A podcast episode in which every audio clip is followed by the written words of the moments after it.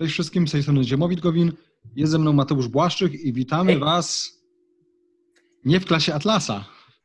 Dokładnie, coś nowego. Coś nowego. Słuchajcie, e, ten odcinek, to znaczy to, co tutaj widzicie, to nagranie, ta nasza rozmowa jest przyczynkiem, czy wstępem, czy wprowadzeniem do naszego, do naszego nowego wideo, wideokastu, e, który będzie się nazywał Komentarz Atlasa.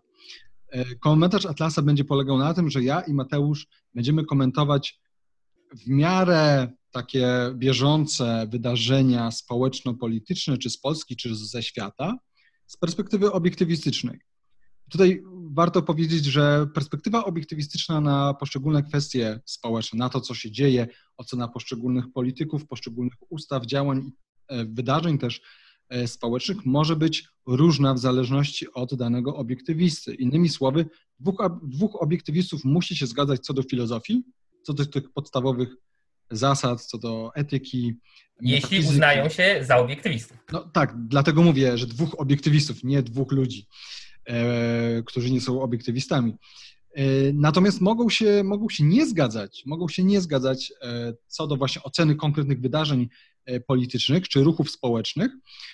I tak na przykład w Stanach to bardzo dobrze widać, no, większość obiektywistów jest przeciwna zarówno Trumpowi, jak i Clinton, jeżeli już mówimy o tych wyborach wcześniejszych, tak, nie, nie tych nadchodzących.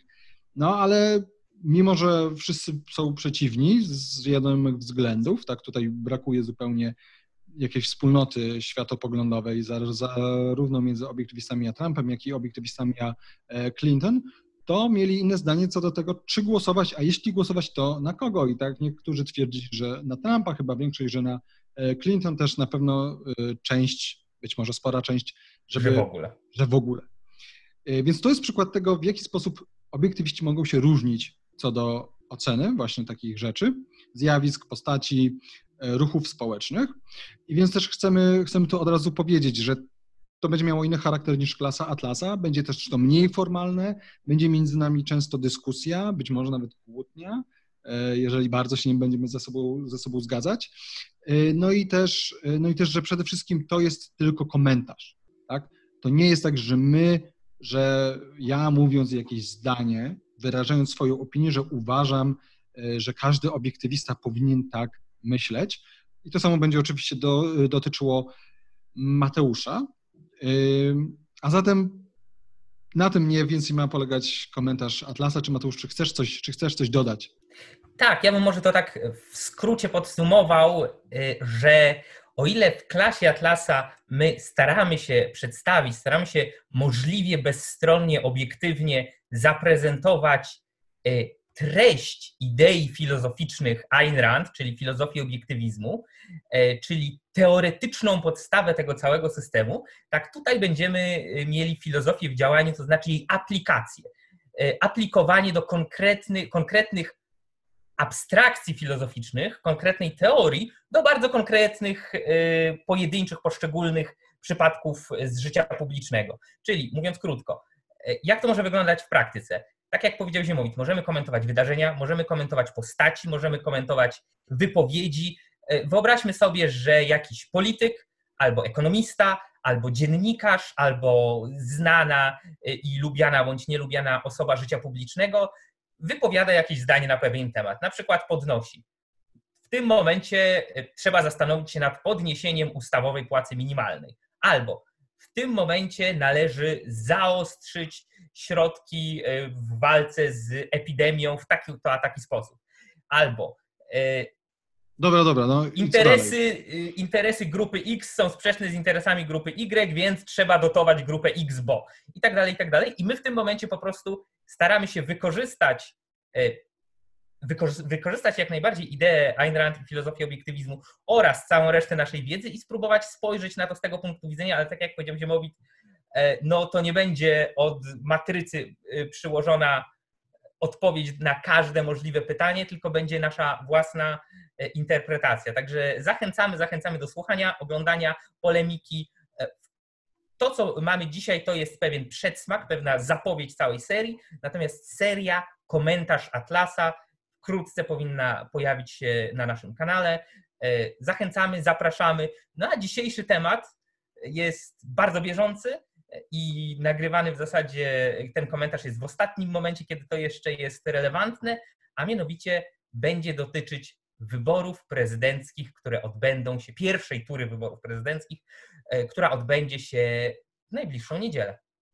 Tak, ale to może nawet nie, nie tyle chodzi kon konkretnie o, to znaczy tak, w najbliższą niedzielę to jest prawda, odbędzie się pierwsza tura wyborów prezydenckich, natomiast my, chcieli, my chcieliśmy ogólnie porozmawiać na temat o tych wyborach, o tych wyborach, o poszczególnych kandydatach. Na pewno nie będziemy mówić o wszystkich. Nie wszyscy są interesujący na tyle i na tyle istotni, żeby w ogóle o nich e, wspominać. Tak wiemy, że jest ich 11, tak? Jest to 11 mężczyzn, więc chyba odmieniłem dobrze, prawda? Tak. 11 e, kandydatów, z czego prawdopodobnie będziemy komentować 6, maksymalnie być może 7. E, no i właściwie będziemy komentować, to znaczy też będziemy dyskutować, e, co sądzimy o nich, jak ich oceniamy, jak w ogóle podchodzimy do tych, do tych wyborów. To może ja, Mateusz, zacznę. Jak ty do tych wyborów podchodzisz? Czy dla ciebie te wybory są szczególnie istotne? Czy one szczególnie się czymś różnią od innych wyborów? Tak jak teraz widać to, że wiele osób, które wcześniej nie głosowało albo głosowało nie zawsze, to nie było dla nich takie istotne, teraz nagle się mobilizują, i chcą zagłosować, no zazwyczaj jest to mobilizacja przeciwko e, Andrzejowi Dudzie. I mobilizują się po to, żeby po prostu właśnie zagłosować przeciwko niemu, czyli na jakiegoś kandydata e, właśnie przeciwnego, e, zapewne w drugiej turze. Natomiast więc z ich, z ich perspektywy coś się stało. Tak, jest to coś nowego, jakaś nowa sytuacja, a jak ty się na to patrzysz? Znaczy, tak jak słusznie zauważyłeś, jest, są to wybory, które po raz kolejny są typowymi, bym powiedział, wyborami przeciwko, a nie za. I myślę, że myślę, że nie minę się z prawdą, jeśli powiem, że większość wyborców, którzy będzie, e, które, e, która będzie brała udział w tych wyborach, ponad połowa będzie głosowała przeciwko komuś, a nie za kimś. Ale to jest jakby charakterystyczne ze względu na ogólne rozczarowanie Polaków polityką i możliwościami samodecydowania o sobie w obecnym ustroju politycznym i obecnej sytuacji. E, te wybory są o tyle specyficzne, że tak, po pierwsze, one już miały się odbyć wcześniej. Tak? E, była ta kwestia, czy mają być korespondencyjne, czy niekorespondencyjne, e, czy koronawirus upoważnia do zorganizowania wyborów, czy je uniemożliwia i tak dalej, i tak dalej. Są przesunięte w czasie, to wiemy. W międzyczasie sporo rzeczy się zadziało. Moim zdaniem z takich ważniejszych dla obecnych wyborów rzeczy, które, które się zadziało, to jest znaczący spadek poparcia dla obecnie urzędującego prezydenta Andrzeja Dudy. To znaczy, y, gdyby te wybory odbyły się w pierwszym terminie, to jest spora szansa, że y, Andrzej Duda wygrałby nawet w pierwszej turze. Natomiast ze względu na wiele różnych y, zjawisk i działań, zarówno prezydenta, jak i partii rządzącej, z której on się wywodzi, zwłaszcza dotyczących wszystkich rzeczy wokół e, koronawirusa, e, wokół tak zwanego lockdownu, kwarantanny i tak dalej, i jak oni sobie z tym wszystkim radzą i jakie mają pomysły na e, przezwyciężenie bieżącej sytuacji, no to poparcie tak dość mocno spadło, rozproszyło się też pomiędzy mniejszych kandydatów częściowo, więc teraz no ja bym byłbym bardzo zaskoczony, gdyby nie było drugiej tury jest raczej, raczej pewne, że będzie druga tura wyborów, wtedy będzie się głosowało już tak ewidentnie przeciwko temu, kogo się nie lubi najbardziej. E, natomiast pierwsza tura wyborów, tak jak sam powiedziałeś, Ziemowit, e, obejmuje 11 kandydatów, mniejszych i większych. E, I biorąc pod uwagę, że raczej będzie ta druga tura, no to już jest mój, moja opinia. No moim zdaniem tej pierwszej turze śmiało można zagłosować za tym kogo się darzy największą sympatią, albo przynajmniej najmniejszą niechęcią, jeśli chodzi o, o wizję jego prezydentury. Więc tutaj śmiało można zagłosować zgodnie z rozumem i sercem, a nie na zasadzie zatykam nos, brzydzę się, ale głosuję na mniejsze zło. Mhm. Tak przynajmniej widziałbym pierwszą turę. No dobrze, ale a gdybyś mógł powiedzieć, czy ty normalnie głosujesz? Raczej tak. Okej. Okay. Czy teraz Raczej zagłosujesz? Tak. W sensie w tę niedzielę? Tak. No tak, jeśli tylko, e, jeśli tylko nie będę zupełnie poza, co nie jest stuprocentowo wykluczone, zupełnie poza miejscem uprawnionym do głosowania, to raczej tak. Myślę, że tak. E, dużo większa, e, dużo większy znak zapytania może być w tym wypadku, e, jeśli chodzi o drugą turę wyborów, bo tam, tak mhm. tak jak już powiedziałem, to jest ewidentne głosowanie przeciwko, tak? czyli, e, czyli zatykanie nosa i głosowanie na tego drugiego, którego się uważa za mniej złego. Dobra, to, to, to może jeszcze o drugiej turze za chwilę porozmawiamy. Trochę się teraz czuję jak dziennikarz, jak ci zadaję te pytania. Trochę o to chodzi, więc. Tak, ale to musi być dwustronne, więc teraz ty musisz pytać Dwustronne, mnie. jasne. No to y, w takim razie powiedziałeś, że spośród tych 11 kandydatów, no nie wszyscy są ciekawi, nie wszyscy są interesujący, nie wszystkimi warto się zajmować. Którymi twoim zdaniem warto się zajmować? E, ja tylko tak dorzucę od siebie, że jeśli mielibyśmy patrzeć w kategoriach bycia nudnym albo nienudnym, to trochę trochę inni by nam wysforowali Jasne. na prowadzenie niż w kategorii Jasne. posiadania większej szansy albo mniejszej, bo Oczywiście. na przykład z całym szacunkiem e, pan kandydat Kośniak-Kamysz, no ja tylko słyszę i zaczynam ziewać, ale... ale tak, to, to, jasne, rozumiem. Wyjątkowo niebarwny kandydat, tak, ale których uważasz za istotniejszych, godnych uwagi w tych wyborach? Nie, oczywiście. Chodziło mi o godnych uwagi z punktu widzenia jakiejkolwiek szansy na drugą turę. Oczywiście trzeba tu też brać pod uwagę jedną rzecz, to znaczy, i to też chciałbym tutaj nawiązać do Twojego komentarza e, a propos pierwszej tury, że nawet jeżeli uważamy, że niektórzy kandydaci nie mają szans na drugą turę, e, to i tak głos na nich może wesprzeć daną partię, z której startują. E, no, przykładowo no, wiemy już, że raczej Robert Biedroń nie ma szansy na drugą turę. Tak? Jego, jego poparcie jest bardzo niskie też w tej debacie, nie wiem czy ją oglądałeś, e, no wypadł mizernie.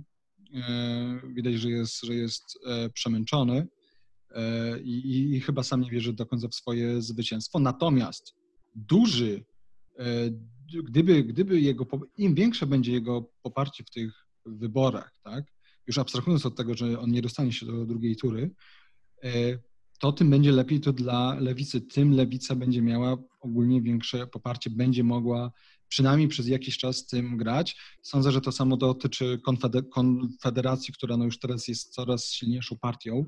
E, no i stety lub niestety Bosak się, e, no bo Bosak przyczynia się do tego, tak, jest elokwentny, jest inteligentny, ma charyzmę, e, bardzo dobrze sobie radzi z mediami, z dziennikarzami, więc i to przekłada się na poparcie dla Konfederacji, więc Konfederacja też na pewno też na pewno zyska na tym, że no Bosak będzie miał, będzie miał spore e, poparcie, nawet jak nie wejdzie do drugiej tury, to znaczy no, ja akurat uważam, że na pewno nie wejdzie i że wejdzie po prostu Rafał e, Trzaskowski i że po prostu e, no, ta bitwa odbędzie się pomiędzy Dudą a Trzaskowskim. Więc którzy są tacy, którymi moglibyśmy się przyjrzeć? No to na pewno jest to Krzysztof Bosak, Robert Biedroń, Rafał Trzaskowski, Andrzej Duda, no, Kośniak-Kamysz y, też. No, Szymon Hołownia zdecydowanie, warto, warto się mu przyjrzeć. To znaczy nie mówię, że o każdym z nich mamy tutaj rozmawiać, bo bez przesady e, hmm. też my nie jesteśmy jakimiś, jakimiś politologami, e, analitykami, których to aż tak interesuje, czy Hołownia ubiera się w taki e, garnitur, a Kośniak-Kamysz używa takich, a nie, a nie innych słów.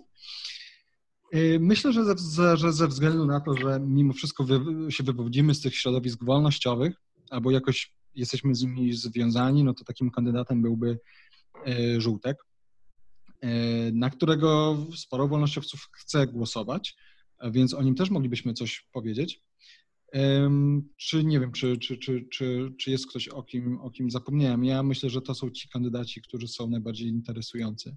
No jak ktoś e, chciałby dostawać pizzę hawajską za darmo, to mamy Pawła Tanajno, tak, więc e, z którym e, notabene to tak już zupełnie anegdotycznie miałem kiedyś okazję pić i, i sprawdzaliśmy na ile pan Paweł Tanajno jest wierny zasadom demokracji bezpośredniej, ale to może to jest anegdotka na na inną okazję. Nie, myślę, myślę, że całkiem słusznie podsumowałeś. Czyli tak, dwóch głównych kandydatów, czyli Andrzej Duda, e, wywodzący się z e, rządzącej e, Zjednoczonej Prawicy, Rafał Trzaskowski, który jest o tyle specyficzny, że Rafał Trzaskowski teoretycznie reprezentuje i wywodzi się ze środowiska Platformy Obywatelskiej, reprezentuje Platformę Obywatelską, w zamian za odsuniętą, a w zasadzie przynajmniej oficjalnie panią, która zrezygnowała z wyborów, czyli panią Kidawę Błońską.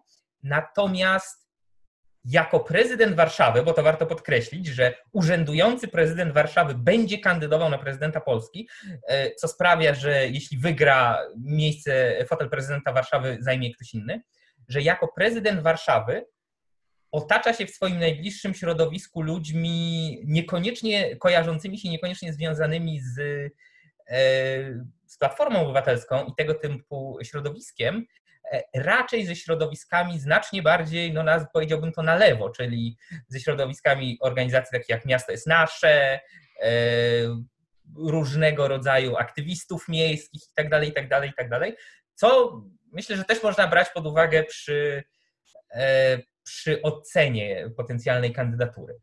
No dobra, no to Ziemowicz, może ty chcesz zacząć, od którego kandydata chciałbyś, chciałbyś zacząć, którego bierzemy na, to ty na Rożen jako pierwszego? Ja wybieram? Tak. No dobrze, no to weźmy obecnie urzędującego, bo czemu by nie? No dobrze, to, to, to co chciałbym tutaj zaznaczyć, to to, że istotny jest kontekst. Istotny jest bardzo kontekst, to znaczy nie ma do końca sensu ocena Dudy jako Dudy, tak?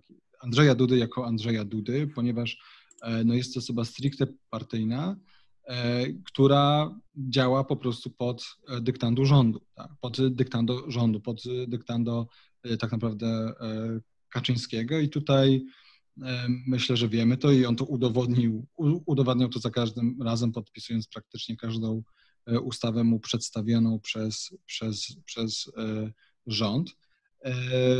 Więc bardziej bym, bym, bym się skupił na tym, co robi, co robi PiS, i to właściwie no, z naszej perspektywy pierwsza rzecz to jest taka, no PiS w, y, cały czas, cały czas wprowadza jakieś nowe podatki, wprowadza nowe e, socjale, tak, 500 plus, które niestety w ogóle prze, przesunęło. Menelowe plus. Które przesunęło cały dyskurs taki e, publiczny, polityczny właśnie w stronę państwa, tak zwanego państwa dobrobytu czy e, państwa opiekuńczego. E, gdzie niestety już nawet e, właśnie tacy ludzie jak Rafał Trzaskowski mówią, że teraz 500 plus jest ok, mimo że wcześniej w 2016 e, krytykował. Mają też nawet jakieś swoje pomysły, na przykład 1000 plus dla zdolnych studentów i tak dalej. No więc przede wszystkim jedną z, tych, jedną z tych rzeczy to jest to, że PiS po prostu wprowadza większy zamordyzm państwowy, większy etatyzm oparty o jakieś konserwatywne, e, o jakieś konserwatywne e, wartości, idzie ręka w rękę z Kościołem. Więc to są takie mocno, mocno negatywne rzeczy. No, kolejne rzeczy to chyba najbardziej to było widoczne, gdy PiS, e, jak PiS się zaczął zachowywać przed tymi wyborami, to znaczy próbował na wszelkie sposoby, na wszelkie sposoby doprowadzić do tego, by wybory odbyły się 10 maja. I to były sposoby niekonstytucyjne, często bezprawne, właściwie ponad 70 milionów nagle zostało wyrzucone w błoto przez e, Sasina e, i nie tylko. No więc ja mam, ja mam takie wrażenie, że, więc jak mówię tak naprawdę o PiSie, to mam też, to mam też na myśli Dudę, tak, bo to jest pewien monolit, tak, teraz, teraz PiS ma po prostu jedynowładztwo w momencie, w którym ma zarówno rząd, jak i e, prezydenta, ale no to nie jest, samo, samo w sobie to nie jest problemem. Problem polega na tym, że i tak jest moja perspektywa na w ogóle PiS e, i e, prezydenta, że PiS po prostu powoli dąży, świadomie bądź nie, do wprowadzenia państwa quasi-autorytarnego. Ja mówię quasi, dlatego że, e, że ta autorytarność miałaby polegać na po prostu robienie, na robieniu tego, co się chce, niezależnie od prawa, albo naginanie prawa pod swoje widzimisię, bez żadnego, bez nawet jakiejkolwiek zasłony. Tak? Tutaj nie ma żadnej zasłony, tu mamy po prostu bezczelną grę i tę grę widzieliśmy w przypadku Morawieckiego, e, który wprowadzał pewne zakazy, po czym okazywało się, że sam nawet o nich nie wie tak? i sam się do nich nie e, stosuje. Były też sprzeczne sygnały, dlaczego. Raz, że nie wiedział, e, innym razem, że inaczej je inter, interpretował. No i oczywiście te tarcze anty, antykryzysowe, teraz ma wejść kolejna bardzo kontrowersyjna. Więc moja ocena prezydenta Andrzeja Dudy jest stuprocentowo negatywna. W skali 1 do 10? W skali od 1 do 10, no to powiedziałbym 2, bo, bo jest charyzmatyczny, to na pewno, on się dobrze, on się dobrze prezentuje. No ale jeżeli weźmiemy pod uwagę to, że jest po prostu żołnierzem Kaczyńskiego, bo jest, e, i gra zupełnie tak, jak zagra mu, e, i tańczy tak, jak zagra mu rząd.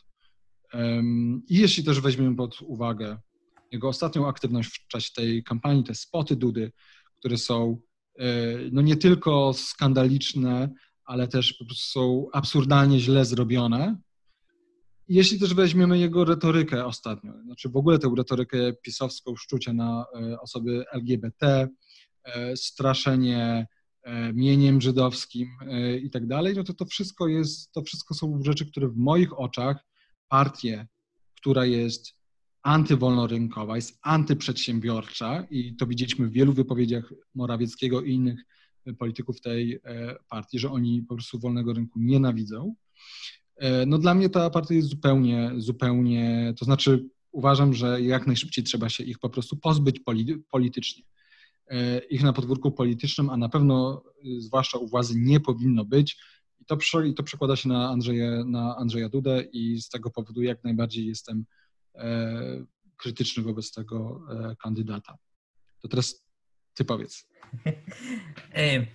W dużej mierze się zgadzam, więc może bardzo krótko powiem o tym, z czym się zgadzam, bo nie ma sensu się dublować. Powiem, z czym się nie zgadzam, albo co widzę trochę inaczej. Tak. Bo myślę, że to, to może być ciekawsze i dla ciebie, i dla widzów.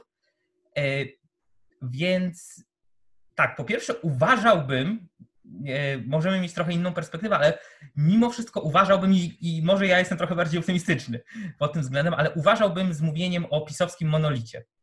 Bo e, Jarosław Kaczyński, który jest rzekomo, powiedzmy, ojcem e, całości, tak, całej Zjednoczonej Prawicy, no z roku na rok, a nawet z miesiąca na miesiąc nie jest już coraz młodszy.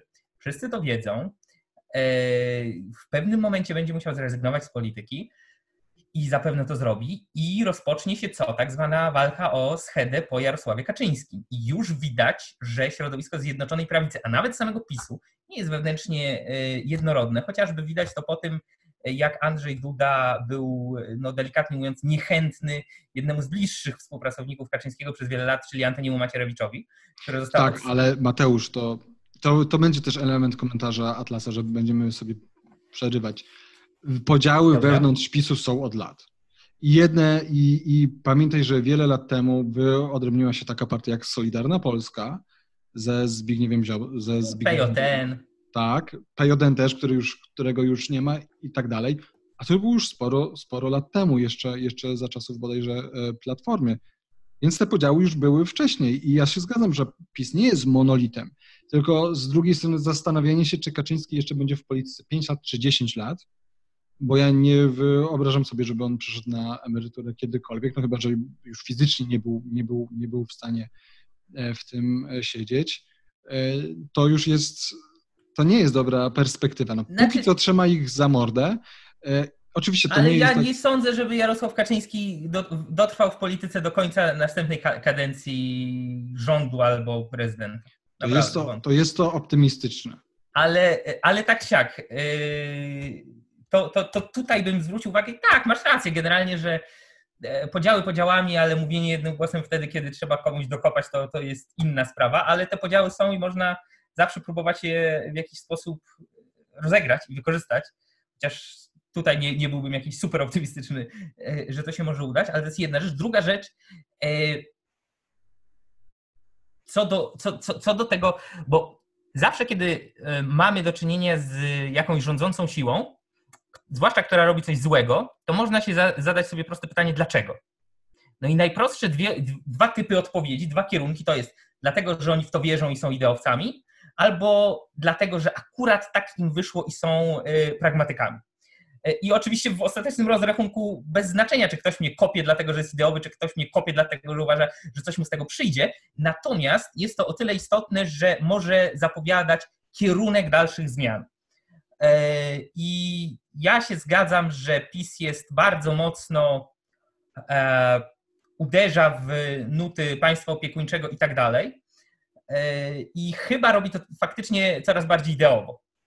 Od, od odejścia Zyty Gilowskiej z tego PiSu 2005-2007 to już w zasadzie nic nie ma obecnie. Mm, który tam miał jakąś nutkę, jeszcze próbował nutkę wolnego rynku przemycić. Natomiast wydaje mi się, że całą masę środowisk PiS chce rozegrać. E, włącznie z Kościołem, który, ja bym nie powiedział, że to jest sojusz PiSu z Kościołem, ja bym powiedział, że to jest PiS próbujący przejąć Kościół kawałek po kawałku, jeśli już. E, I włącznie ze środowiskami LGBT, z której z jednej strony PiS musi jemu się wydaje, wydaje mu się, że musi uderzać w ostrzejszą retorykę anty-LGBT i tak dalej, ze względu na to, że rośnie mu na prawicy Konfederacja i nie chce, żeby tam odpłynęły y, głosy, bardzo się tego boi. Zauważ, że wcześniej tego specjalnie nie było. Ta, to się pojawiło wtedy, kiedy pojawił się Bosak, Konfederacja, Korwin w Sejmie. To oni mówią, ja pierdyka, do tej, przepraszam, do tej pory nie mieliśmy, nie mieliśmy wroga na prawicy, bo my byliśmy na prawicy, a teraz mamy Konfederację. No trzeba jej tak samo y, kwestia zawłaszczania y, tego mienia żydowskiego, ustawa 447.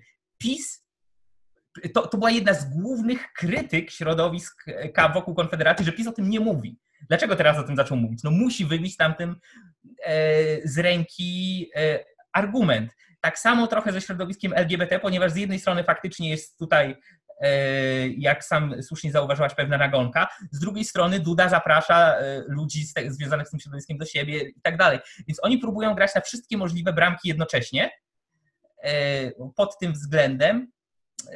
Natomiast no, no nie da się ukryć, że na pewno tym ciągłym, nieustannym takim melodią podskórną to jest bycie przynajmniej bardzo sceptycznymi albo przeciwko przedsiębiorcom, przeciwko wolnemu rynkowi e, i tak dalej. I to, to jakby się specjalnie nie zmienia. Oni nawet od tej środowiska nie udają, że próbują walczyć.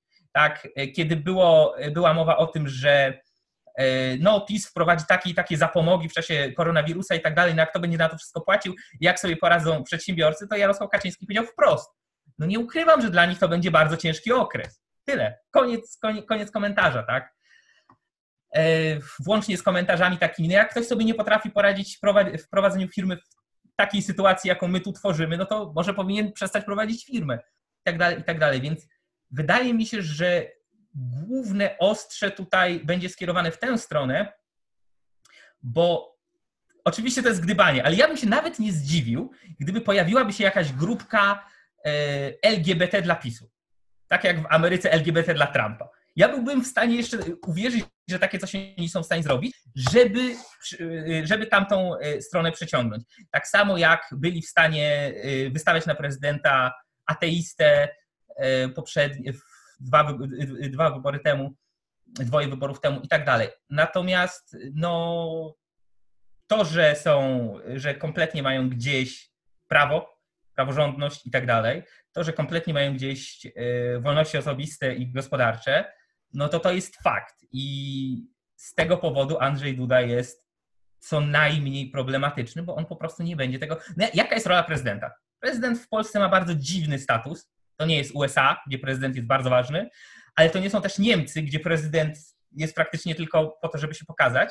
Prezydent ma pewne prerogatywy i chociażby jest y, dobrym hamulcowym. Tak? Może całkiem sporo rzeczy uwalić i zawetować. Nie wszystko, ale jednak sporo może.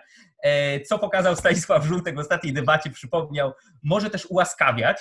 Nie mam zielonego pojęcia, czy dałoby się faktycznie ułaskawić wszystkich, którzy byliby e, skazani za niepłacenie podatku dochodowego, ale, ale zakładając, że nawet nie, to i tak dużo rzeczy faktycznie można w ten sposób załatwić, nawet nie mając władzy w parlamencie. E, I ja generalnie coraz bardziej jestem z miesiąca na miesiąc, z roku na rok już w ogóle zwolennikiem czegoś takiego jak gridlock, czyli e, z teorii politycznej, takiej zwłaszcza e, amerykańskiej, to jest kiedy e, przedstawiciel, kiedy prezydent generalnie jest z innej partii niż kongres i mogą się wzajemnie szachować. U nas my nie mamy takiego systemu jak amerykański, u nas jest ten system parlamentarno-gabinetowy, inaczej to wygląda. Natomiast tym niemniej, jeśli zdecydowana większość sejmowa jest w ręku X, to lepiej, żeby prezydent był z nie X, tak? był jakimś Y. I... Chyba, że byłby wolnościowcem. Że wszyscy byliby no, wolnościowcami. Tak, chyba, chyba, że tak, premierem Jaron Brook, prezydentem Leonard Pikow, marszałkiem Sejmu Ziemowit Gowin. Oczywiście. To dopiero byłaby Polska żydowska. Dobrze. Który kolejny kandydat Ziemowit uważasz, że jest godny uwagi? Bosak. Okej. Okay. Bosak. Zaczynaj. No, miły chłopak w tańcu z gwiazdami był. e, to znaczy, już tak teraz poważnie. Mm.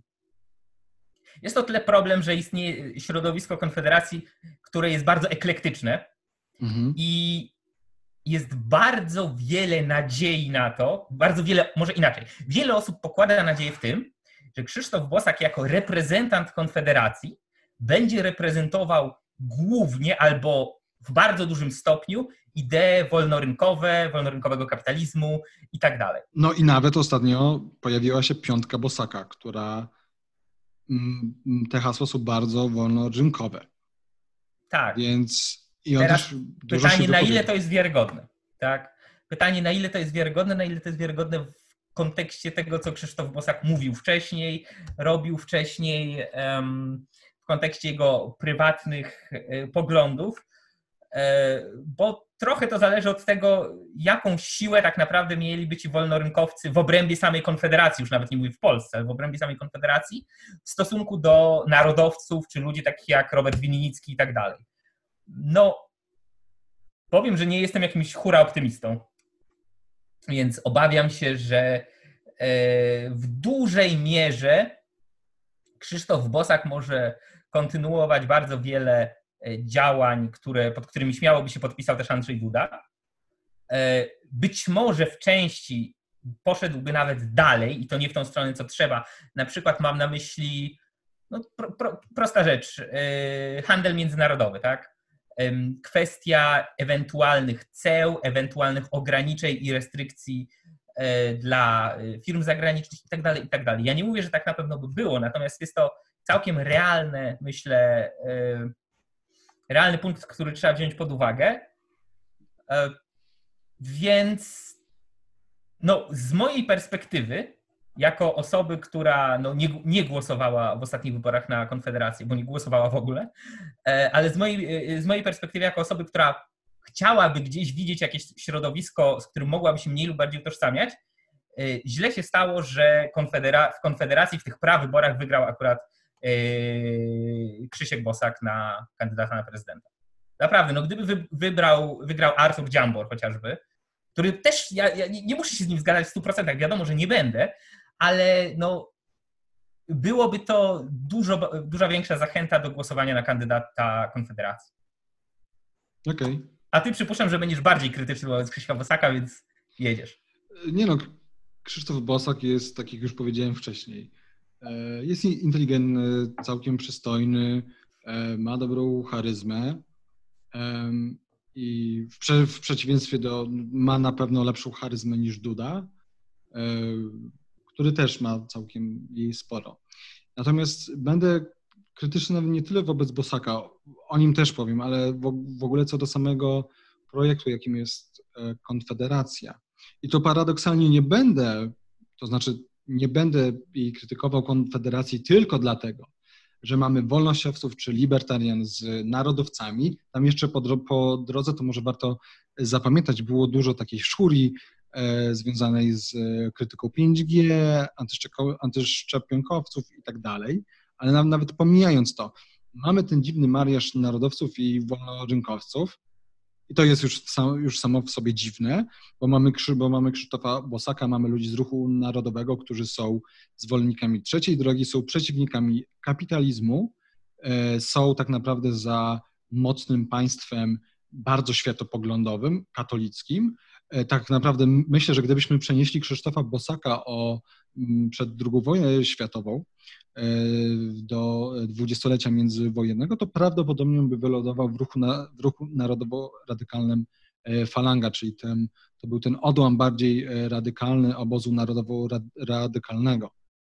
Ten mniej liberalny, taki bardziej właśnie dążący do powiedzmy państwa autorytarnego. Ja to oczywiście... fala, falanga i ABC, tak? Dobrze. Tak, tak, to była, to, to była, to była falanga i e, ABC. Tak, Jan Mosdorf był. E, a to on, a chyba Mosdorf to już w ogóle jakby w trakcie tego podziału, to on już chyba zwiał. w każdym razie, w każdym razie wracając do samej Konfederacji, to w ogóle jestem przeciwnikiem Konfederacji, ponieważ jestem przeciwnikiem Janusza Korwin-Mikkego. E, uważam, że dla mnie to jest zgraja pseudowolnościowców, zgraja e, skrajnych konserwatystów. To, co ich łączy z narodowcami, to niechęć wobec osób homoseksu homoseksualnych. Trzeba pamiętać, że po wyborach parlamentarnych ostatnich pierwszym pomysłem Korwin-Mikkego to był zakaz publicznych demonstracji osób LGBT jeśli dobrze pamiętam, tak to mniej więcej e, brzmiało. Mamy oczywiście Grzegorza Brauna, który mówił o batorzeniu osób e, homoseksu, homoseksualnych. I o randystach ludożercach. I o randystach ludożercach, ale to powiedzmy mnie mniej razi, a nawet w sumie, a nawet w sumie śmieszy, podczas gdy to pierwsze mnie jednak razi i e, oburza. Więc mamy Korwin Mikkego, który, e, który nie wiadomo jakie ma poglądy. Ja pamiętam, jak w jednej debacie z tobą określił się jako anarchomonarchista, zazwyczaj określa się jako monarchista. E, ostatnio też powiedział w wywiadzie dla e, telewizji Super, Super Expressu, że jest zwolennikiem autorytaryzmu. I właściwie nie wiadomo, co z nim zrobić. Tak? To znaczy, mamy takie wrażenie, że Korwin jest takim politycznym trolem, trolem, który niestety przyciąga wielu młodych, inteligentnych ludzi. I niestety, ale to nie jest tak, że Korwin jest takim wykoślawionym wolnościowcem. To nie jest tak, że ludzie, że ta wolnościowa strona Konfederacji to są jacyś wolnościowcy, z którymi mógłbym się zgadzać. Nie są. Nie są. To są często radykalni konserwatyści, którzy są często przeciwnikami jak, jakiejkolwiek e, aborcji, tak? czyli są za zniesieniem e, tego tak zwanego kompromisu aborcyjnego w stronę pełnej delegalizacji. E, bardzo często są właśnie E, właśnie są nastawieni antyhomoseksualnie, po prostu są homofobami. No i też trzeba pamiętać o ich retoryce i ja tego im nie mogę zapomnieć, e, o piątce Mencena. Tak, myślałem, że... Doktor Mencen, który jest inteligentny, ma super wiedzę, często mówi z sensem gospodarczo, przedstawił piątkę, swoją własną piątkę i, i, i ta piątka była, tak, nie chcemy Żydów, nie chcemy homoseksualistów. Tak. I to nie ma znaczenia, że za tymi hasłami kryły się, kryła się jakaś tak. konkretna treść i on sam przyznał, że te hasła ma, miały być e, kontrowersyjne. Problem polega na tym, że, on, że to jest legitymizacja, legitymizacja dyskursu, który polega na wykluczeniu, na, e, na dyskryminacji, na, e, no po prostu na, na czymś, co nie, co nie powinno być, mieć miejsca, bo jedną jest rzeczą powiedzieć, uważam, że nie powinniśmy się zgodzić na roszczenia żydowskie dotyczące tego, tego, a tego, a inną jest e, rzeczą mówić w kraju antysemickim nie chcemy Żydów. To jest dla mnie po prostu tak absurdalne, więc absurdalne jest dla mnie to, że ktokolwiek chciałby e, głosować na Krzysztofa Bosaka, ktokolwiek, kto mieni się wolnościowcem, absurdalne jest też dla mnie, że no, ludzie popierają Konfederację tylko dlatego, że coś tam Korwin czasem powie o wolnym rynku, e, czy, czy, czy, czy, tam jakiś, e, czy tam jakiś Berkowicz. Myślałem, że czytał jakiś Berezie Kartuskiej. Ja bym tylko więc jeszcze... Chciałbym, więc chciałbym tak podsumować. Wybór Krzysztofa Bosaka jest przesunięciem dyskursu ostro w prawo. Jest legitymizacją nacjonalizmu, antysemityzmu, nawet, nawet, nawet jeżeli Krzysztof Bosak jest tylko judeosceptykiem, e, jest legitymizacją homofobii i jest legitymizacją tak naprawdę trzeciej drogi i wszystkich innych wariatów, których mamy w Konfederacji z Korwin-Mikkem na czele. Ja bym też powiedział jeszcze a propos Korwina i środowiska wokół niego, e, włącznie na przykład ze Stanisławem Michalkiewiczem, którego książkę Dobry, zły liberalizm to była chyba moja jedna z pierwszych książek, jakie czytałem tam na przełomie gimnazjum i liceum. Mam ją na półce. E, całkiem nieźle napisana, że zresztą Janusz Korwin-Mikke, Stanisław Michalkiewicz, najwyższy czas i seksiści, antysemici i homofobowie. I homofo... homofobii. Ale homofobii. chciałem powiedzieć, jak zmieniała się ich retoryka, powiedzmy, od lat 90. przez 2000 aż do dzisiaj. 15 e, lat temu, czy nawet 10 lat temu, e, Stanisław Michalkiewicz mówiłby przede wszystkim o wolnym rynku. Dzisiaj będzie mówił przede wszystkim o Żydach. O Żydach. E, I można by tak wypunktować. W najwyższym czasie, 10-15 lat temu, były bardzo sensowne, bardzo e, ciekawe artykuły w dużej, w dużej liczbie, przynajmniej skłaniające do myślenia. Dzisiaj też takie trafiają, mhm. natomiast są strona w stronę z artykułami, które ja bym widział no, no w naprawdę bardzo, bardzo brukowych gazetach. Um, w Der Stürmerze, czy jak to się, czy jak to no, no, Piszą tam ludzie, którzy są z jednej strony, tak jak ty mówisz, uprzedzeni w taki czy inny sposób, e, z, z, drugiej strony piszą tam przecież ludzie, którzy, których w żaden sposób w zasadzie już nie da się podpiąć nawet pod ten termin parasol konserwatywny liberalizm, czyli e, jacyś endokomuniści. No, ja na przykład ostatnio widziałem e, Janusza Korwin-Mikkego, Mm, w towarzystwie, występującego w towarzystwie pana Aleksandra Jabłonowskiego, e, wel e, Tadeusza Olszańskiego. To jest aktor, który jest znany z internetów z tego, że ubiera się w mundur wojskowy.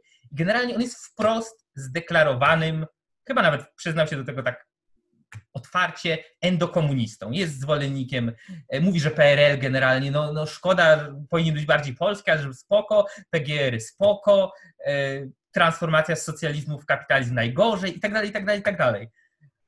No jest człowiekiem i a, no jest oczywiście i to też jest część Niesamowicie agresywny. Jest niesamowicie agresywny i reprezentuje też to, co reprezentuje część środowiska wokół Korwina, może nie sam Korwin, ale na pewno część wokół niego, straszną tendencję do antyamerykańskości. Ameryka jest największym złem. Prawie jak prawie jakby powiedział ktoś z krajów w stylu Arabii Saudyjskiej czy Iranu, że jest wielki szatan i mały szatan, tak? czyli e, USA i Izrael.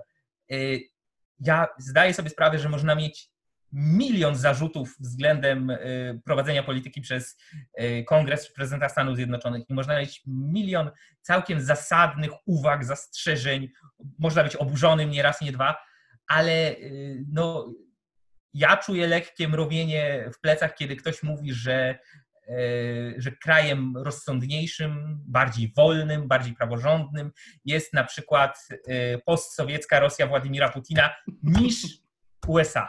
No, no, no, no nie, no nie, no po prostu nie. Ale to no tak. chyba przechodzimy dalej, bo już... Wiesz co, nie, bo, bo, bo jeszcze chciałbym o tej konfederacji, bo to jest o tyle istotne, że ludzie, no bo jednak my mamy poglądy wolnorynkowe, ja i ty, tak? Jesteśmy zwolennikami e, kapitalizmu ze względu na określoną filozofię, którą przyjmujemy, czyli filozofię e, obiektywizmu Ayn Rand. No i bardzo często ludzie, jak my mówimy, że jesteśmy zwolennikami kapitalizmu, to to bardzo często kojarzy się z e, konfederacją. I prawdopodobnie część ludzi, która nas będzie oglądała, to są ludzie związani z konfederacją. Więc, więc chciałbym, żeby to wybrzmiało. Pozdrawiamy. Chciałbym, żeby wybrzmiało to, że Konfederacja jest partią seksistowską, homofobiczną, antysemicką, antywolnościową i nacjonalistyczną, skrajnie konserwatywną. I chciałbym przeczytać kilka cytatów z Janusza Korwin-Mikkego, jeżeli mi pozwolisz. Nawet nie będę cytował tego znanego cytatu, że zawsze się trochę, że tego, tych, tych znanych słów, że zawsze się trochę gwałci, ale mam inne. O Annie Grodzkiej weszło do Sejmu jako dziwadło. Nie dlatego, że zna się na polityce, lecz dlatego, że jest y, dziwadłem. W każdym razie na pewno są ludzie, którzy zwymiotowaliby, gdyby dotknęło ich Grodzki. Kolejny, y, kolejny y, cytat. Obejrzałem sobie klasyfikację medalową paraolimpiady. Nie ma tam prawie w ogóle państw afrykańskich. Tam zaraza nie dotarła, ale to oznacza, że murzyni niedługo podbiją świat i wyrżną nas. Kolejny cytat. Jak kobieta chce, żeby o niej mówiono, to się rozbiera do naga i ją wtedy pokazują, a facet robi coming out i oświadcza, że jest twu gejem. E, Janusz Korwin-Mikke. Kobiety muszą zarabiać mniej niż mężczyźni, ponieważ są słabsze, mniej, mniejsze i mniej inteligentne. Muszą zarabiać mniej. To wszystko. E, tutaj mam jeszcze kilka takich cytatów, ale chciałbym szczególnie, szczególnie jedne przeczytać. O, Janusz, Janusz Korwin-Mikke o edukacji seksualnej. Od prokuratury zażądałem dochodzenia w sprawie bezczelnego oficjalnego uprawnienia pedofilii w szkołach. Z tym, że osobiście wolałbym, by moja córka trafiła w łapy pedofila, który po pupie poklepie, biuścik pomaca, może popieści i pocałuje, niż poszły na taką lekcję. Bo po zetknięciu z pedofilem pozostanie cenne uczucie wstydu i napięcie erotyczne, a po takiej lekcji bezpowrotnie utraciłaby zdolność kochania. Więc jeżeli, jeżeli ktoś mówi takie rzeczy, to naprawdę trzeba się zastanowić, czy ta osoba w ogóle powinna być w e, polityce. Oczywiście prawo do kandydowania i do wyrażania swoich poglądów powinien mieć, ale pytanie, czy jest sens w ogóle taką osobę popierać. Nawet gdyby miała poza głupimi wypowiedziami super poglądy, to przecież te wypowiedzi ją dyskredytują. Tak nie bez powodu mówiło się przez lata o tak zwanym E, jak to się nazywało, 1%, 1%, że Korwin włącza. A, protokół 1%. Protokół 1%, tak? Właśnie tymi e, wypowiedziami. No i z tych wypowiedzi no, wynika tak, że, że, że, że Korwin Mikke ma po prostu absurdalne poglądy e, i możemy przejść dalej. Ja teraz ty wybierz. Tylko bym powiedział, że Korwin Mikke ma absurdalne poglądy, ale wygłasza takie tezy, moim zdaniem, absolutnie celowo, bo on lubi gdzieś centrum uwagi. On jest przede wszystkim showmanem na pierwszym miejscu, a dopiero długo, długo nic i polityk, publicysta i tak dalej. On lubi, żeby o nim mówiono, on lubi i to i, i, i w pewnym sensie to mu działa, bo abstrahując od tego, że się dostał pierwszy raz teraz od, od dekad do parlamentu, ale ma grono wiernych wyznawców, ma środowiska, która, które stoją za nim murem, e, jest na językach, pisze się o nim w gazetach, mówi się o nim w telewizji, e, wbrew temu, co on mówi, że nigdy, nigdzie nie jest zapraszany, no względnie często gdzieś go widać. Mówię o czasach jeszcze nawet sprzed bycia posłem obecnej kadencji. No ma wianuszek fanek, tak? Więc z tego punktu widzenia, jeśli takie kryteria by przyjąć, no to jego taktyka się sprawdziła, tak? No tak, ale my tu mówimy o naszej tak, ocenie o Tak, tak, tak. No więc, no więc tak, no. Co innego jest bycie e, showmanem, a co innego jest bycie politykiem zdecydowanie. Tak. No dobra, to teraz ty wybierz, o kim będziemy rozmawiać. No możemy o drugim kandydacie po Andrzeju Dudzie. Ci mniejsi są ciekawsi, naprawdę.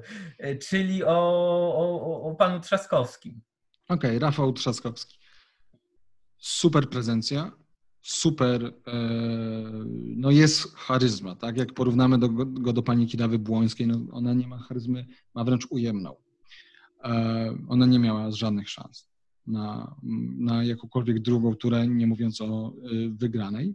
Więc prezencja, charyzma, bardzo dobry angielski, co nie powinno nas dziwić. On był tłumaczem symultanicznym przez ileś lat, też uczył angielskiego. Zresztą on skończył chyba dwa kierunki studiów, w tym właśnie filologię angielską, no więc nic, nic dziwnego, że zna angielski i nie, i, nie, i nie zagrał go nawet Amerykanin z Virginii. E, nie wiem, czy o tym słyszałeś. Okej, okay, jak nie słyszałeś, to nieistotne, ale myślę, że nasi widzowie wiedzą, o co e, chodzi. No jeśli chodzi o jego poglądy, to tak naprawdę dla mnie nie są szczególnie istotne. To znaczy, ja uważam, że nie możemy oczekiwać od e, osoby, która pochodzi z Platformy Obywatelskiej, żeby szczerze nam powiedziała, co myśli. Ja nie wiem, co pan Trzaskowski e, myśli. E, wiem, że opowiada się za e, związkami partnerskimi, ale gdy dziennikarka 10 razy go zapytała, ale co z małżeństwami dla osób homoseksualnych, nie był w stanie odpowiedzieć i cały czas powtarzał, że on jest za związkami partnerskimi. Niestety przyjął e, retorykę PiSu, taką prosocjalną, przynajmniej częściowo, o czym już wspominałem, czyli już 500 plus jest e, dobre. E, no, jeżeli chodzi o, jeżeli chodzi, tak, no na pewno na plus jest to, że będzie blokował PiS. To jest duży plus, tak? Czyli będzie ten gridlock, o którym, o którym wspomniałeś.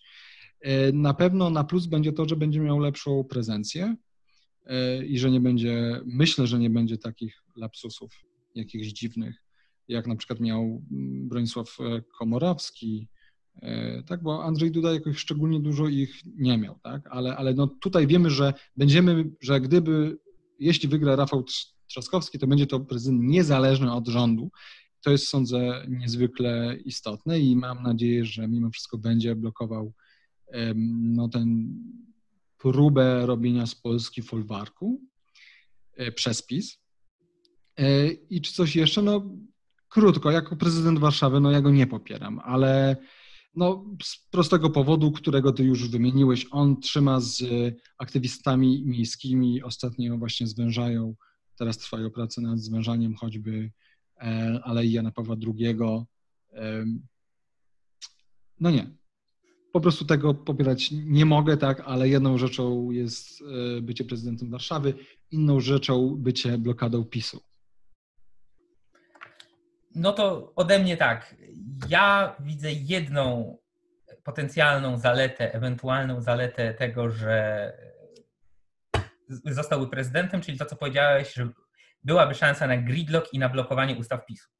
Z tym, że trzeba się zastanowić, jak wyglądałoby to blokowanie. To znaczy, jest obawa, i ja mam dużą obawę, że y, Trzaskowski blokowałby te ustawy PiSu, które dotyczyłyby kwestii y, istotnych dla jego potencjalnych, dla jego byłych i potencjalnych przyszłych wyborców, czyli ustawy światopoglądowe. I tak, mhm. okej, okay, ja jestem w stanie sobie wyobrazić, że PiS zgłasza ustawę, e, która jakoś tam byłaby przeciwko środowiskom LGBT, Trzaskowski ją uwala. Okej, okay, zgadzam się. Natomiast nie jestem pewien, czy to samo e, wystąpiło w, w sensie kolejnych plusów, kolejnych Menelowe plus, kolejnych e, tego typu rozwiązań socjalnych, bo wydaje mi się, że tutaj on za bardzo bałby się jednak utraty poparcia i wizerunku więc nie jestem pewien, czy, czy Trzaskowski jako prezydent byłby w stanie i w ogóle chciałby e, blokować dalszy rozkład, e, dalszy rozkład polskiej gospodarki. No tak, może... ale poza gospodarką mamy jeszcze kwestie administracyjne, mamy sądownictwo, no tak, całą tak, masę tak, rzeczy, z którą, tak, tak, co do której sądzę, że będzie walka na noże i Trzaskowski jednak będzie, czy być może będzie, blokował. Więc co do tych tak. gospodarczych kwestii, to, to bardzo możliwe, że, że niestety masz rację. Tak, a, a co do pozostałych rzeczy. Ja jestem z trochę innej szkoły, że tak powiem, niż. E, powiem tak. Zdaję sobie sprawę, że prezydent między innymi reprezentuje kraj na zewnątrz, w polityce zagranicznej. Okej. Okay. Ja mam tego świadomość i tak dalej, ale empirycznie, biorąc pod uwagę, jacy ludzie bywali prezydentami, jacy ludzie bywali skutecznymi nawet prezydentami i przywódcami krajów, e, że potrafili to być e, inwalidzi, widzę Franklin Delano Roosevelt, który był bardzo złym prezydentem, ale bardzo skutecznym prezydentem, że potrafili to być e, ludzie, którzy się jąkają, nie umieją się wypowiedzieć i tak dalej. Powiem tak, z mojego punktu widzenia prezencja jest bardzo nisko, jeśli chodzi o kategorie. E, sposób wypowiadania się jest bardzo nisko. Znajomość języków w zasadzie w ogóle mnie nie obchodzi, bo prezydent nie jest od tego, żeby zdać języki, od tego ma tłumaczy. Prezydent ma umieć powiedzieć to, co chce w takim języku, jaki zna, a zadaniem tłumaczy jest to tłumaczyć. I co więcej, e, bardzo często prezydenci, nawet jeśli znają jakiś język, to wypowiadają, zwłaszcza prezydenci krajów anglojęzycznych, to wypowiadają się po angielsku i tłumacz ma to tłumaczyć, bo ten prezydent no, no po co ja będę się zniżał do tego, żeby mówić po francusku albo jak nie. Ja jestem prezydentem Stanów Zjednoczonych albo jakiegoś innego. Ja jestem premierem Wielkiej Brytanii, ja mówię po angielsku. Tłumacz jest od tego, żeby tłumaczyć. Więc jakby to są dla mnie rzeczy no, trzeciego, czwartego, piątego rzędu. Nie mówię, że są zupełnie bez znaczenia, no bo tak jak sam powiedziałeś, e, wpadki prezydentów takich jak Bronisław Komorowskich e, były duże, tylko czy to jest coś, co potem jakoś bardzo rezonuje w polityce i ma duży wpływ? No moim zdaniem to jest bardziej temat dla dziennikarzy i to są takie tak zwane Michałki. No, jak jest sezon ogórkowy, to się pisze o tym, kto miał jaką wtopę i powiesił flagę do góry nogami, yy, podebrał kieliszek Angeli Merkel albo się przejęzyczył. No. Ma to pewne znaczenie, natomiast jeśli będzie prezydent Oczywiście to nie stanie się w ciągu pięciu lat, ale załóżmy, że Polska byłaby poważnym, liczącym się graczem na arenie międzynarodowej, miałaby silną gospodarkę, byłaby względnie bogata i tak dalej, to taki prezydent mógłby popełnić 20 lapsusów i 30 nietaktów i uszłoby to mu płazem, tak jak uchodzi Trumpowi chociażby. Tak, można się o tym, gazety mogłyby się o tym rozpisywać, ale jego pozycji jako prezydenta by to nie ruszyło. E, więc tutaj to, to, to mnie tam akurat mało e, specjalnie rusza, kto jak się prezentuje. E, natomiast no, byłaby szansa na to, że będzie e, blokował ustawy. Co więcej, e, ja jeszcze mam taką jedną dość kontrowersyjną chyba tezę, że nawet jeśli ktoś uważa, że Rafał Trzaskowski jest gorszym politykiem, to znaczy gorszym ideowo, gorszym światopoglądowo, gorszym jeśli chodzi o jego stosunek do ważnych E, kwestii takich jak prawa jednostki czy cokolwiek innego, e, niż Andrzej Duda, nawet gdyby tak uważał, to i tak nie jest bezzasadnym zastanowić się, czy nie lepiej zagłosować na Trzaskowskiego, nawet jeśli personalnie on byłby gorszy niż Duda, właśnie dlatego, że y, mimo, że gorszy, jako taki, jako całość, jako postać polityczna, być może dla kogoś, to y, no jest szansa na gridlock, tak? Więc nawet gdyby, gdyby powiedzieć Andrzej Duda tu, Rafał Trzaskowski tu, to i tak nie znaczy to, że nie warto się zastanowić, że może jednak na tego Trzaskowskiego warto zagłosować. Ja nie mówię, że warto, tylko no, że jest to coś, co, co warto przemyśleć, tak? Tylko, że ja od razu powiem, tu już przechodząc chyba do kolejnych, do kolejnych omówień, że y, no mnie to na pewno nie będzie dotyczyć w pierwszej turze. Ten okay. wybór. Okay. Tak, bo ja na żadnego z dwóch głównych kandydatów na pewno nie będę w pierwszej turze głosował, na pana Kośniaka Kamysza również nie, więc... E, Dobrze, to bo już mówimy bardzo długo. Tak, tak, tak. tak więc może po jednym, dwóch zdaniach e, do pozostałych kandydatów zacznijmy od Kosiniaka Kamysza. No jest, no moim zdaniem jest to taki, taki typowy trochę produkt medialny, no dają go na zdjęcie ja, ja nie jestem w stanie nic o tym człowieku de facto powiedzieć. Jest nijaki. Nie ma właściwości za bardzo. Tyle. No. Może, może byłby dobry jako, jako właśnie przeciwwaga dla PiSu. Ja nie mówię nie, może tak. E, I tak raczej nie ma szansy na drugą turę, więc e, powiem tak. Opcje do rozważenia dla mnie są trzy. Czyli głosować najbardziej praktycznie, czyli od razu iść i głosować, zatkać nos, zacisnąć zęby, yy, splunąć przez ramię z obrzydzenia, wzdrygnąć się z niesmakiem i zagłosować na kogoś, kto ma największą szansę wygrać, aby być yy, przeciwwagą dla rządów yy, Zjednoczonej Prawicy Prawa i Sprawiedliwości, mm, czyli żeby była szansa na stworzenie tego gridlocka i wtedy to jest ewidentnie głos przeciwko. Nie, nie specjalnie obchodzi mnie obchodzą mnie plusy tej postaci, ponieważ ona ma ich zazwyczaj bardzo niewiele, jeśli w ogóle. Natomiast tym plusem dodatkowym, zewnętrznym, który jest kontekstowy, tak? a propos tego, że wartości są obiektywne, ale kontekstowe, ale sytuacyjne, jest to, że by, byłaby szansa na ten gridlock. No to to jest jedna opcja najbardziej praktyczna. Druga opcja, taka quasi praktyczna, no to e, pójść na pierwszą turę wyborów i zagłosować na kandydata, które, do którego jest komuś ideowo najbliżej, tylko po to, żeby wyrazić poparcie i żeby, jak to się mówi, policzmy głosy, tak, żeby sprawdzić, no może jakaś grupka osób zagłosuje i trzeba się będzie z tym kandydatem w przyszłości liczyć, no bo teraz i tak odpadnie w przedbiegach. Na trzecia opcja, najbardziej e, chyba taka idealistyczna, no to powiedzieć, ok, nie idę na wybory, bo to jest chucpa, tak. No więc to są trzy opcje, na, mhm. E, które, nad którymi można się zastanawiać, a wracając do Kośniaka Kamysza, on nie pasuje do żadnej. Okej, okay. pełna, pełna zgoda. Yy, dwa zdania Robert Biedroń. Robert Biedroń był e, ciekawym przypadkiem o tyle, że jak został prezydentem e, Słupska. Słupska. Słupska. Chciałem powiedzieć Koszalina. Słupska. Jak został prezydentem Słupska, to miał opinię na początku bardzo dobrego zarządcy, bardzo dobrego takiego, co spina budżet miasta i tak dalej, i tak dalej. E, I nawet e, słyszałem opinie od osób, które, które ty byś na pewno zaliczył do takich około sympatyków Konfederacji, że no, no, no, no może i gej, ale tu przynajmniej ładnie budżet spina.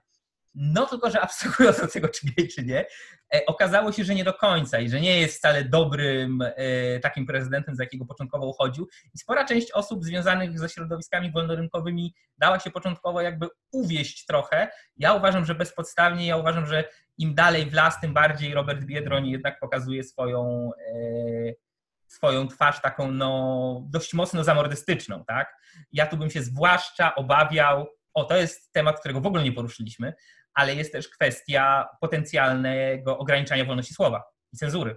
To w, że tak powiem, w cudzysłowie w obie strony, czyli zarówno obrażania wartości narodowych, patriotycznych, religijnych, jak i mowy nienawiści e, i e, penalizowania tak zwanego hate speech, tak? I myślę, że tutaj na przykład Robert Biedroń byłby dość mocno orbitowałby w tym drugim kierunku, E, I znów moim zdaniem w żadną z tych trzech kategorii najbardziej praktyczną, tą pośrednią ani idealistyczną się nie wpisuje, więc e, tyle. No Robert Biedroń to jest kandydat takiego typowego tak zwanego fajnizmu w polityce, tak? Żeby było fajnie, żeby było miło, żebyśmy byli uśmiechnięci, żebyśmy byli ten. Ja tego po pierwsze, że nigdy nie kupowałem. E, jego propozycje uważam za cokolwiek kiepskie. I abstrahuję w tym momencie nawet od tych y, historii na temat tam osobistych y, jakichś rzeczy związanych z Robertem Biedroniem, tak, tam jakieś historie rodzinne były wyciągane, nie wiem, nie interesuje mnie to, y, bo nie jest moim kumplem od piwa, tylko potencjalnym kandydatem na prezydenta, ale no niespecjalnie tutaj jakoś jest co wyciągnąć chyba. Mhm. No Robert Biedroń tak, na pewno masz trochę rację z tym fajnizmem, aczkolwiek troszeczkę zaczął teraz pod koniec e, uderzać w takie nuty bardziej lewicowe, czyli mniej fanizm dla fajnizmu, a trochę takie, to, trochę taka socjal, socjaldemokracja jednak, no i to widać w, w wywiadach, tak, że, że, że, on to, że on to podkreśla, równocześnie zdając sobie sprawę i nawet chyba mówiąc o tym wprost, że no on nie jest taki super bardzo lewicowy, jeżeli chodzi o e, gospodarkę, tak? Czyli tutaj mhm. wiele bardziej lewicowi są jego koledzy z, i e, koleżanki z partii razem. Ale ja nie, ja nie o tym, e, bo to tam akurat pal 6. E, wydaje mi się, że no znaczy no na pewno lepszy jest Biedroń niż Duda. I myślę, że bardzo możliwe, że Biedroń by no, popierał co prawda te socjalne rzeczy PiSu. Być może nie. Być może, być może część by nie popierał z różnych powodów. Natomiast przede wszystkim na pewno by blokował wszelkie rzeczy, które by jakkolwiek godziły w mniejszości, e, w kobiety i tak no dalej. No tak, tylko że znowu z tym szłoby w parze jednak zapędy cenzorskie. Ja jestem zapędy cenzorskie, no tak, no ale już to, ale już to mamy. No i już to mamy. Nie możemy, tak, jest obraza uczuć religijnych. Tak, no ale teraz pytanie, w którą stronę dalej to będzie zmierzać? Czy pogłębiania tego, czy kasowania, tak? Ja uważam, że za Roberta Biedronia jako prezydenta byłoby ewidentne pogłębianie. Oczywiście no, pogłębianie byłoby, ale no raczej na nie, nie, na, nie na zasadzie ustaw. Przede wszystkim byłoby świetnym sygnałem i moim zdaniem na pewno wyleczyłoby to z homofobii dużą część e, społeczeństwa i to byłby plus. Pytanie, czy to jest wystarczający plus, żeby ktoś był prezydentem? Nie. Czy jest to wystarczający plus dla blokady PiSu? Tak. E, no sam powiedziałeś, tak, że to głosowanie przeciwko. przeciwko. E, okej, okay, dobra, ale miały być po dwa zdania, więc się skupmy. E, Szymon Hołownia i to jest przedostatni, o którym będziemy dzisiaj mówić.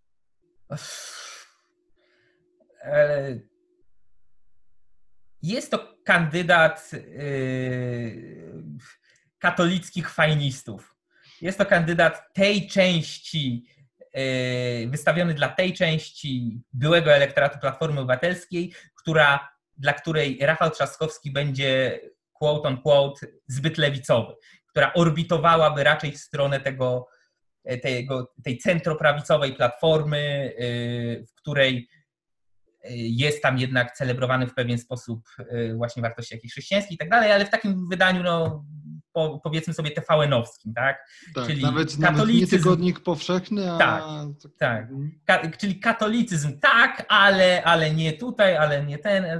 Moim zdaniem to, to, to, to, to jest też kandydat miałki i, i, żaden. No ja tam przeczytałem parę wywiadów z nim, czy nawet jego krótkich wypowiedzi, no to to były wypowiedzi w stylu e, no, no, z tego, co wynika z jego wypowiedzi na przykład, ja widzę, że ostro poszedłby w kierunku, przypuszczam, że ustawowego, e, zapewniania większej ochrony tak zwanych praw zwierząt. Tak? To, to on jest ewidentnie taki eko. On tu ewidentnie by, jakby były, nie wiem, te hodowle norek i tak dalej, on by to chciał wszystko ukrócić. A tak? gospodarczo? Ja nie wiem, czy on ma jakieś poglądy gospodarcze. Właśnie... W, jednej, w jednej z książek, ktoś cytował jego książkę, bo on tam jest autorem iluś książek, e, to on pisał, że no takie mocno socjalistyczne tezy, że no generalnie wszystko powinno być, do, tak naprawdę jest dobrym wspólnym, e, że no tutaj trzeba zawsze się pochylać nad biednymi. Wiadomo, ktoś powie zdanie, warto pomagać biednym. Z tego jeszcze nie wynika, że jest socjalistą, tak? bo może być całkiem rozsądnym, racjonalnym człowiekiem, który ma jakiś inny pomysł na to. Natomiast e, w kontekście całokształtu myślę, że, że on by szedł w stronę takiego no takich pomysłów ala papież Franciszek. To, to, jest, to jest taki jego, jego papież, on, on dla, dla niego on jest dobry, e, czyli papież, który tam specjalnie nie jest jakimś intelektualistą, takim, e, wiesz, jak Benedykt XVI czy coś takiego, tylko on się właśnie... Aktywista, tak, papież aktywista. Powiedziałem antychryst. A antychryst? tak. Papież A tak, antychryst. Też jest e, aktywistą, tak. Tak, no. no to byłby taki prezydent aktywista, taki, ale ponieważ nie ma on miałby może jakiekolwiek szanse, gdyby nadal Kidawa Błońska była yy, tak, jako... oczywiście. To może. Ale w tej chwili od, od momentu, kiedy Trzaskowski wszedł do, do gry, to Szymon Hołownia przestaje istnieć. No z takich, z takich plusów... A, no to... i płacze, no i płacze nad konstytucją na widz. No, szefra, ja wiem, że to jest tylko symbol, ale no, no nie, no nie, no nie. No tak, ty, ty, ty też nie chcę prezydenta czy prezydentki, tak. który płacze nad e, konstytucją. Natomiast z takich plusów, no to to jest to, że mówi jasno o rozdziale państwa od e, kościoła. To jest zdecydowany plus. I drugi plus to to, że nie jest partyjny. On naprawdę jest niezależny, przynajmniej, party, przynajmniej politycznie. Najmniej partyjny. Może stoją za nim masoni, Żydzi, TVN, Soros, tam Soros, e, to, to, to jest osobna sprawa, tak? I jacyś reptilianie. Znaczy, um, znaczy, powiem tak, biorąc pod uwagę, jak szybko on się pojawił w tej polityce, jak bez nikogo, to na pewno przypadek. ma poparcie jakichś środowisk, tak? Specjalnych. E, kto w tym sensie, takim bardzo szerokim, na pewno ktoś za nim stoi, tak. Tylko. No, no dobra, okej. Okay. No to, to Paweł Tanajno od pizzy dla wszystkich. A, chciałem powiedzieć nie o Pawle Tanajno, jakby jego chciałem akurat Aha, zbyć no dobra, zasłoną no milczenia, zrzucić całą milczenia. Kto kto? Stanisław Żółtek. A. No nie mogę o nim nie wspomnieć, jeżeli no tak. jesteśmy wolnościowcami. To ja, to ja chcę zacząć, ja powiem krótko. Jasne. Gdyby się dało prawnie zrobić tak, że mógłby e, ułaskawiać każdego, kto by nie płacił podatku dochodowego i faktycznie by to miał robić, to chciałbym, żeby był prezydentem. Tak to nie chciałbym. Nie ma absolutnie żadnej prezencji. E, szczerze mówiąc, on bardzo często ma problem ze złożeniem jednego zdania. I o ile się zgadzam z Tobą, że faktycznie prezencja i tak dalej są na drugim czy trzecim miejscu, to jednak no, mimo wszystko Stanisław Żółtek też ma skrajnie konserwatywne poglądy, nawet jeżeli są wolnościowe, tak jest przeciwnikiem małżeństw państwowych. Ale no mimo wszystko ja nie wyobrażam go sobie jako osoby, która by sprawnie zarządzała państwem. Nie chcę mówić, czy jest leniwy, czy nie. Sprawia takie wrażenie. E, tak, to, że przez tyle lat w polityce. Pamiętaj, że może leniwy prezydent jest lepszy niż aktywny. Nie no. To jest inne niż. Słuchaj, ja to mówię wprost. Gdybym miał wybierać między tą a żółtkiem, to głosowałbym na żółtka ze 100 razy. To nie mam, nie mam co do tego żadnych e, wątpliwości. No, jeżeli chodzi o kwestie gospodarcze, no to w większości się zgadzam. Tak, nie no tam raczej.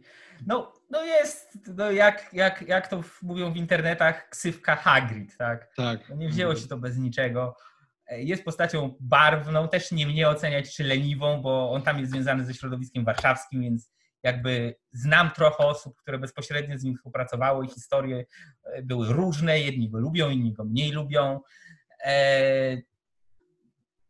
Nie ma specjalnie szans na, na zwycięstwo, to jest oczywiste, ale biorąc pod uwagę, że jest druga tura, to myślę, że można zaryzykować, by. Ja nie wiem, czy, czy ja to zrobię, natomiast uważam, że jest, e, nie jest bezzasadnym zaryzykowanie zagłosowania na niego jako liczenia głosów e, zdecydowanych wolnościowców i wolnorynkowców spoza Konfederacji, nie korwinowskiej.